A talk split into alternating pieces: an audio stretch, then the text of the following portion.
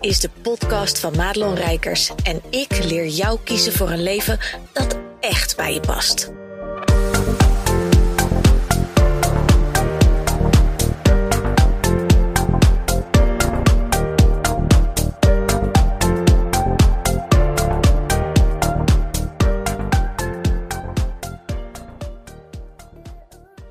Hey, goed dat je luistert naar deze podcast. En in deze podcast heb ik een beetje een gekke ervaring die ik met je wil delen, die ook heel grappig was, samen met mijn man.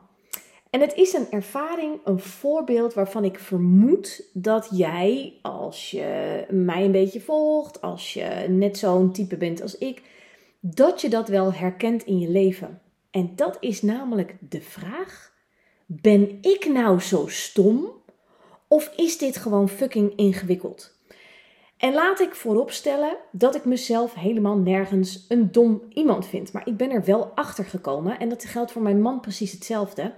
Wij hebben een brein wat gewoon anders gewired is dan dat van andere mensen. En dat levert in de praktijk nog wel eens hilarische situaties op.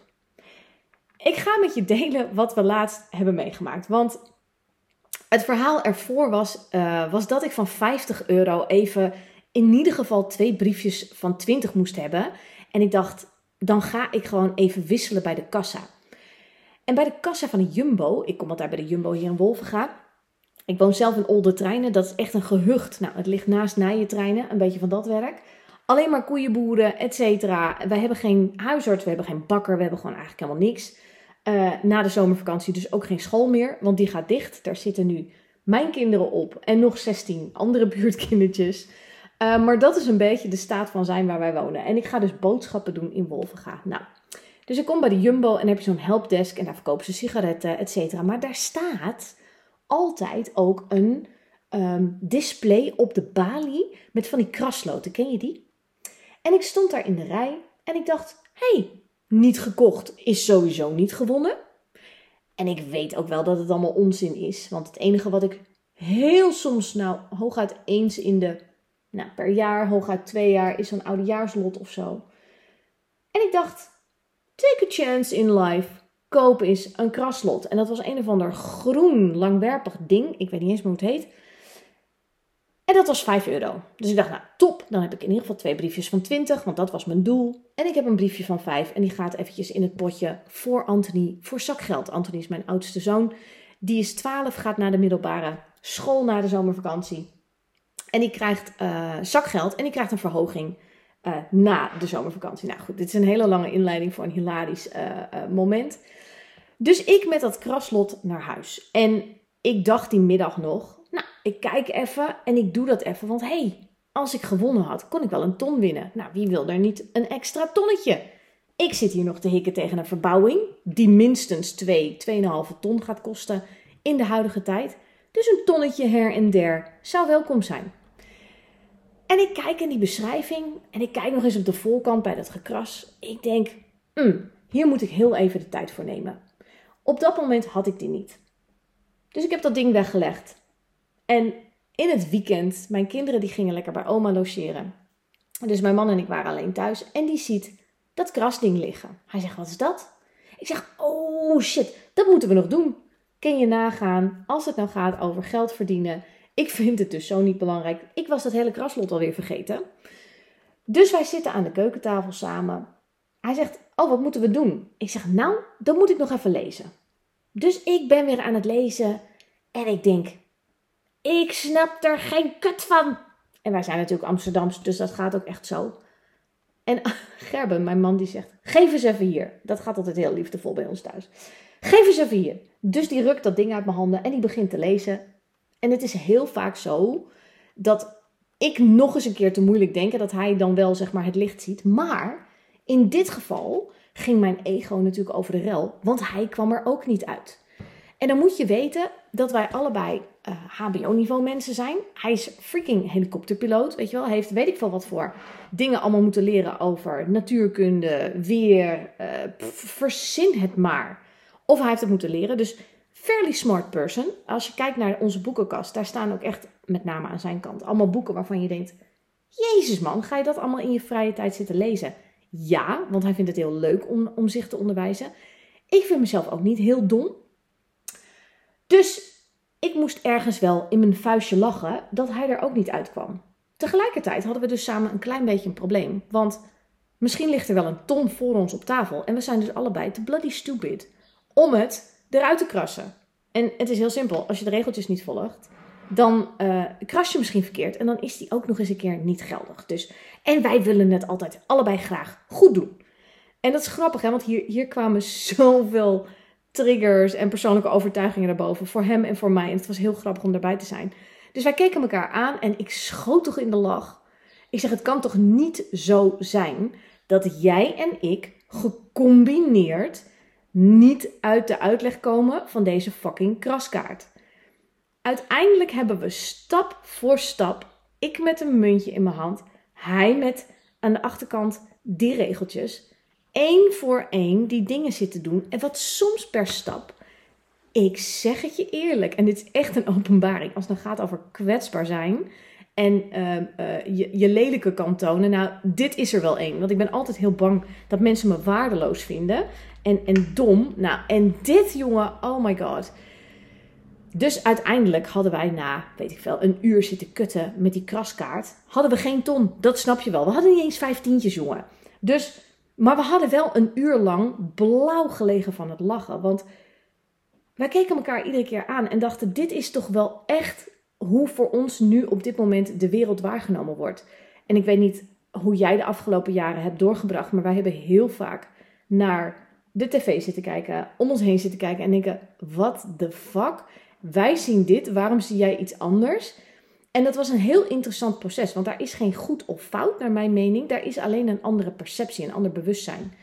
Ehm, en dat maakt dus ook dat wij soms, en ik, ik spreek ook voor hem, dat weet ik zeker, wij kunnen soms niet meedraaien in wat er voor je staat. En dat klinkt een beetje wazig, maar ik denk als je zo'n brein hebt als het mijne, dan herken je wat ik zeg. Dat je zo ingewikkeld denkt, of je bent juist heel erg gewend geraakt aan ingewikkelde patronen en vraagstukken en diepgaande shizzle oplossen, dat je iets wat gewoon 1, 2, 3 is, hè, dus, dus ABC, dus echt dat je denkt, volg gewoon de stappen en dan kom je er wel, dat je dat dus niet kan. Of dat het je gewoon heel veel moeite kost, omdat je gewoon op de een of andere manier niet helemaal kan pakken. Wat staat hier nou? Wat wordt er dan van mij verwacht?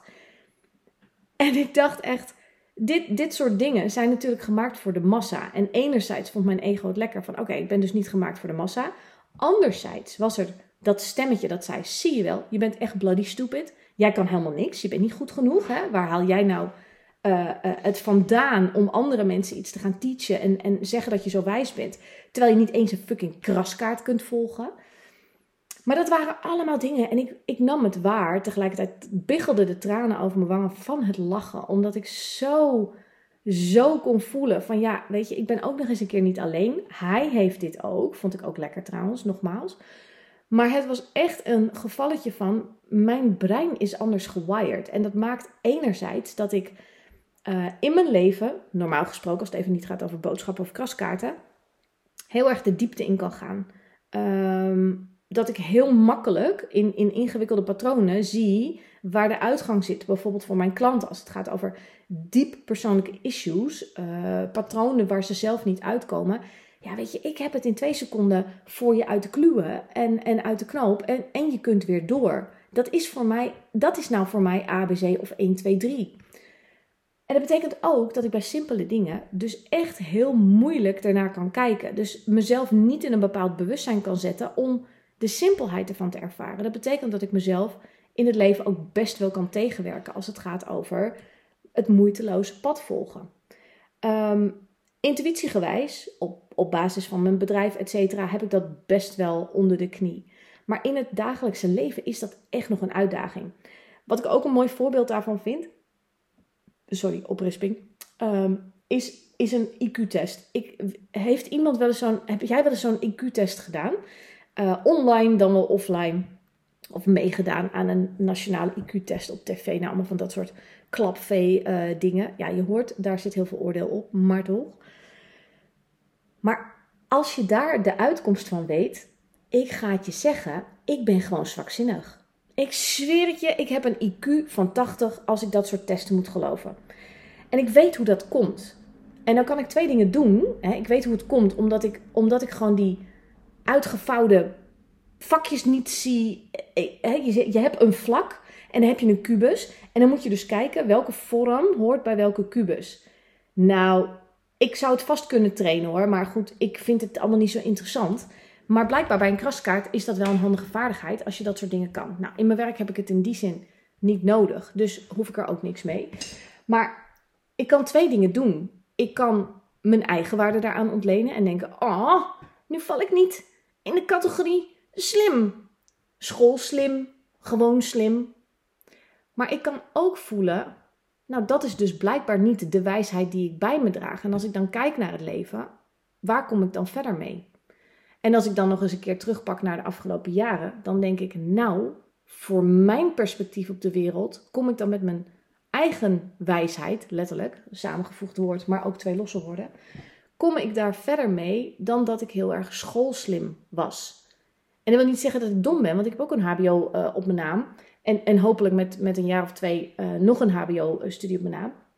Maar um, dat wil niet zeggen dat je slim bent. En ik zie nog veel te vaak in de praktijk dat mensen heel veel rechten ontlenen aan diploma's, aan certificaten, aan dingen die ze nog eerst moeten doen. En ik ben helemaal voor jezelf uh, onderwijzen, jezelf uh, ontwikkelen, door laten groeien. Maar ik ben er niet voor dat we met z'n allen zo kijken naar, oh maar wat heb jij dan voor papiertje? Want ik ken echt hele slimme mensen die nou, nooit verder zijn gekomen dan misschien wel de eerste klas. En ik ken ook heel veel mensen die een universitaire studie hebben, waarvan ik er naar kijk en denk: je bent nog te stom om een deuk in een pakje boter te rammen. Echt waar. Dus wat is nou slim en wat is nou dom? En ik wilde in deze podcast je aan de hand van dit voorbeeld misschien ook wel een stukje herkenning geven. Dat je al, nou wat is het, 12 minuten zit te luisteren en denkt: oh ja, dit zou ik zo kunnen zijn. Ik zou het super fijn vinden trouwens als je dat met me deelt. DM mij op Instagram of stuur me een mailtje op support.madelonrijkers.nl dat je dit herkent. Vermeld er dan even bij dat je deze podcast hebt geluisterd. Want als je me alleen maar een mailtje stuurt met ik herken wat je zei, dan weet ik even niet meer waar ik wat gezegd heb. Want dat gebeurt nog wel eens. En dan moet ik natuurlijk even vragen, hey, waar heb je dat gehoord? En dat vind ik ook zo lullig. Want dan is het net alsof ik je niet zie en dat is natuurlijk niet waar. Maar ik weet niet wat jij allemaal wel en niet van mij hoort en ziet. Want dit is allemaal monologenwerk. Hoewel ik wel hoop dat je toch al nou, een beetje twaalf minuten uh, met me mee zit te knikken en te lachen. Want het is gewoon een mooi onderwerp. En ik weet dat het voor mijn klanten ook heel erg geldt. Dat ze zich heel vaak dom voelen. Terwijl ze dat alles behalve zijn. Ze zijn fucking briljant mag ik zeggen. Want ik coach ze, dus ik zie wat meer uh, van achter de schermen ook dan alleen van voor de schermen. Uh, dus ik weet ook vaak dat presentatie is één ding. En wat, wat is er dan achter de schermen aan waarde en wijsheid? Nou, bij mijn klanten is dat, ik zou bijna willen zeggen, eindeloos soms, al zien ze dat zelf niet zo. Maar dat betekent wel dat ze heel vaak hun rechten ontlenen aan het feit dat ze nou, een ander diploma hebben of een andere werkrichting hebben gekozen in hun oude leven. Of dat ze op basis van nou ja, de pijlers van hun familie gewoon niet voor vol worden aangezien. En het is zo, zo zonde. Want er bestaat echt zoiets in mijn optiek in ieder geval. Het is mijn waarheid die ik predik en niet de waarheid. Er bestaat het aardse leven, wat ook wel door de spiriwiri's wordt aangeduid als het 3D. Maar er bestaat ook het hogere bewustzijn. En um, als je een hoger bewustzijn hebt, dan is de kans heel groot dat je ook gewoon op een andere manier met je brein om aan het gaan bent. En dat je heel snel verbindingen kan maken. Echt een soort superprocessor krijgt. Maar dat wil ook zeggen dat dat soms dingen nodeloos ingewikkeld maakt. Die in de basis heel simpel zijn. En ik denk ook echt dat dit een van de grootste redenen is, naast het overtuigingenverhaal, de blokkades die uh, mijn klanten ervaren, maar dat, dat dit de grootste reden is waarom coaches, therapeuten en allemaal mensen die een dienend uh, bedrijf hebben, VA's, uh, eh, et cetera, dat die het ondernemerschap moeilijk maken. Want er wordt heel vaak gezegd: ondernemen is super simpel. En in de basis is dat ook zo. Alleen met zo'n brein als dat van ons, en ik, ik neem je heel even mee dat ik niet alleen ben, maar ik weet dat nou, van iedereen die deze podcast luistert, 99% zich herkent. En anders ben je waarschijnlijk al uitgetuned als 1% zijnde. Maar dat wij dat niet als simpel zien, omdat we zo'n heel uh, anders gewaaide brein hebben ten opzichte van andere mensen. Dus laat deze podcast op zijn minst een troost zijn. Dat ik echt het IQ heb van een visstick als ik getoetst word door een IQ-test en niet eens in staat ben om een kraskaart te krassen. Uh, al dan niet of er überhaupt winst op had gezeten, want het zat er dus helemaal niet, ook al, ook al hadden we het goed uh, gekrast. Maar dat ik dus wel in staat ben om een succesvol coachbedrijf op te zetten en uh, door te laten groeien. En dat jij nu naar mijn podcast luistert en deze realisatie voor jezelf mag hebben en denken, nou, joh, als die rijkers dat kan, nou, dan kan jij toch ook. Goed dat je luisterde naar deze podcast. Wil je meer van mij weten? Check dan snel mijn Instagram of kijk op www.maatloonrijkers.nl.